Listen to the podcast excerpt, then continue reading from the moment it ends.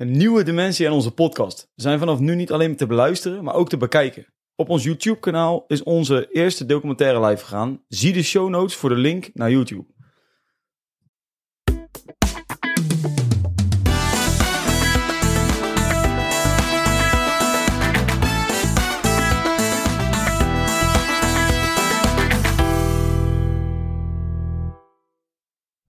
Parijs, december 1840. Op een koude winterdag stonden honderdduizenden Parijzenaren te wachten. Het was 10 graden onder nul, maar toch was het voor de vele toeschouwers het waard om zich in de kou te begeven. Napoleon stierf in 1821, duizenden kilometers verderop, op Brits grondgebied. De Fransen hadden hem nooit de laatste eer kunnen bewijzen. De keizer van Frankrijk had de laatste jaren van zijn leven doorgebracht in ballingschap. Verwijderd van het Europese vasteland, waar hij zoveel bijzondere prestaties had geleverd en ook zoveel problemen had veroorzaakt. De keuze om zijn lichaam terug te brengen naar Frankrijk was geen gemakkelijke geweest. Koning Louis-Philippe van Frankrijk stond er op dat moment niet al te sterk voor in het land en zag het terughalen van de nationale held als een kans om zijn positie te verbeteren. Maar hierbij moest hij nadenken over zowel binnenlandse als buitenlandse spanningen. In het binnenland waren er verschillende partijen die de druk op zijn regering aan het opvoeren waren en deze zouden wellicht van de situatie gebruik willen maken. Daarnaast lag het lichaam op Brits grondgebied en moest er in onderhandeling worden getreden met de voormalig vijand en de huidige diplomatieke vijand. Dat kost altijd wel iets. Een andere discussie was, waar moest Napoleon dan begraven worden? Het debat dat hierover werd gevoerd was geen geheim. In pamfletten en kranten werden er door allerlei partijen veel opties opgeworpen en heftige discussies kwamen op. Moest het de Arc de Triomphe worden? Het familiegraf van Napoleon in Corsica? Of misschien het Pantheon? Uiteindelijk viel de keuze op de Dome des Invalides. Het was een waardig en prestigieus decor dat tumult en protesten moest ontmoedigen. Ook was het het laatste rustplek van veel van Frankrijks militairen, gepast voor de generaal die zoveel de velden van Europa over had gejaagd. Napoleon had in zijn leven een speciale band met deze plek. Hij had Vauban en Turenne, twee van de grootste militairen uit de Franse geschiedenis, laten bijzetten in deze kerk. Daarnaast droeg de plek vaandels van zijn overwinningen en werd de beroemde Legion d'honneur, de hoogste militaire onderscheiding die Napoleon in het leven had geroepen, hier voor het eerst uitgereikt. De laatste tocht van de keizer zou dus geen gemakkelijker worden. De eerste stap was de Britten überhaupt overhalen om het lichaam van de keizer vrij te geven. Het eiland Sint Helena behoorde immers tot hun grondgebied. Waar men in Groot-Brittannië wel eens bang voor zou kunnen zijn, was dat het lichaam van Napoleon de Franse nationalistische gevoelens en nostalgische gedachten zou brengen.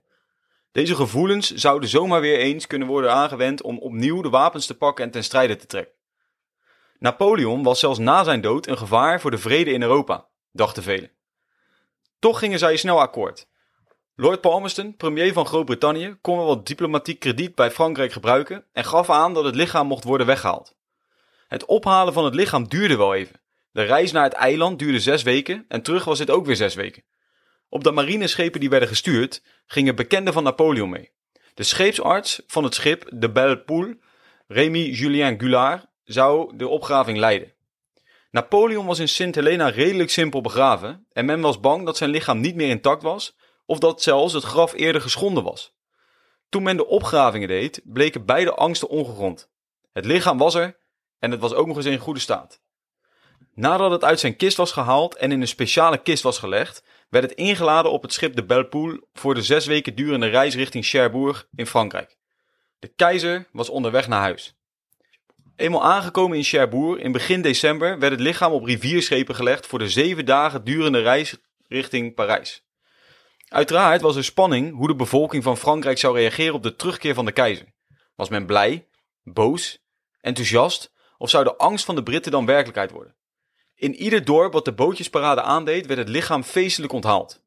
Menigte, rijen dik, stonden langs de kant en patriotistische feesten werden georganiseerd. De vlaggen van Frankrijk kleurden de koude winterlucht. Het was duidelijk, Napoleon wist ook nu nog wat los te maken bij de Fransen. Naast de gewone bevolking waren voornamelijk zijn voormalige soldaten erg enthousiast. Zij gebruikten dit moment om hun offers en kameraden te herdenken die zij zoveel jaren geleden hadden verloren. Daarnaast had Napoleon tot het einde van zijn leven de trouw van zijn soldaten weten te behouden. Zijn charisma wist hen telkens weer te raken en de strijd met hun tegenstanders aan te gaan. Eenmaal aangekomen in Parijs begon de laatste tocht van de keizer, richting zijn graftombe in de Dome des Invalides. Zijn kist werd overgeladen op een enorm gouden rijtuig van vele meters hoog. Het werd getrokken door 16 paarden en overal op de zijkant van de koets stonden herinneringen aan zijn prestaties.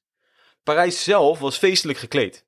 Overal waren vlaggen te zien, op veel plekken werden er feesten georganiseerd en honderdduizenden Parijzenaars kwamen naar buiten om een glans van de beroemde generaal op te vangen. Naast de feestvreugde werd ook door Parijzenaars een onvrede geuit over de huidige politieke situatie.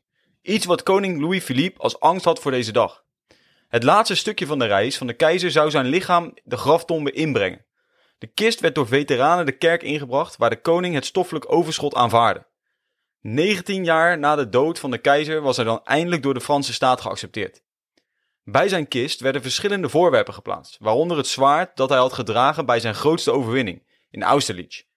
Het geheel werd begeleid door 600 muzici die het requiem van Mozart speelden. De keizer ging niet geluidloos naar zijn graf.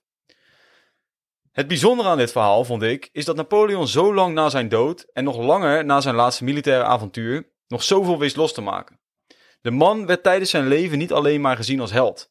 Veel moeders verloren hun zonen onder hem en veel landen waren angstig voor zijn agressieve veroveringstochten en ambitie die ongerend leek. In onze serie gaan wij Napoleon ontdekken. Hoe komt het dat hij zo lang na zijn dood nog steeds op deze wijze ontvangen werd? En waarom is het dat niet alleen door mensen die hem kennen, maar door het gehele land? Napoleon was geen neutraal of saai figuur. Iedereen vindt wel wat van hem. Sommigen zijn zeer kritisch over zijn prestaties, anderen weer lovend over hoe hij veldslagen naar zijn hand wist te zetten. Hij bracht recht naar Europa, maar tegelijkertijd ook onrecht. Hij bracht vrede naar omringende landen, maar nog vaker oorlog. Hij zorgde voor het vergaan van de standenmaatschappij, maar besliste tegelijkertijd ook over het lot van de landen die hij overoverde en hoe men daar bestuurd moest worden. Napoleon is misschien wel de grootste generaal die Europa heeft gekend. Zijn overwinningen en veroveringen zijn van ongekende klasse. Maar naast de militaire overwinningen was hij ook een man van de verlichting, een slim politicus en ook nog een dictator.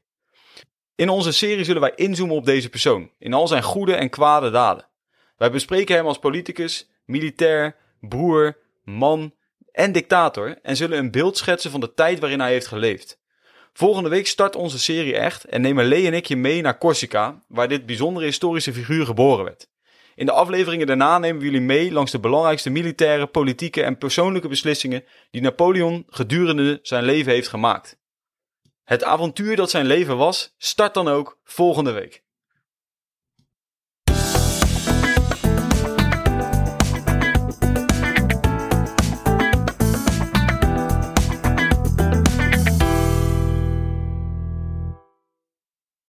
Als jij geïnteresseerd bent in het verbreden van jouw kennis over geschiedenis, of af en toe gewoon leuke discussies wilt lezen of voeren, dan is onze Facebookgroep misschien wel wat voor jou.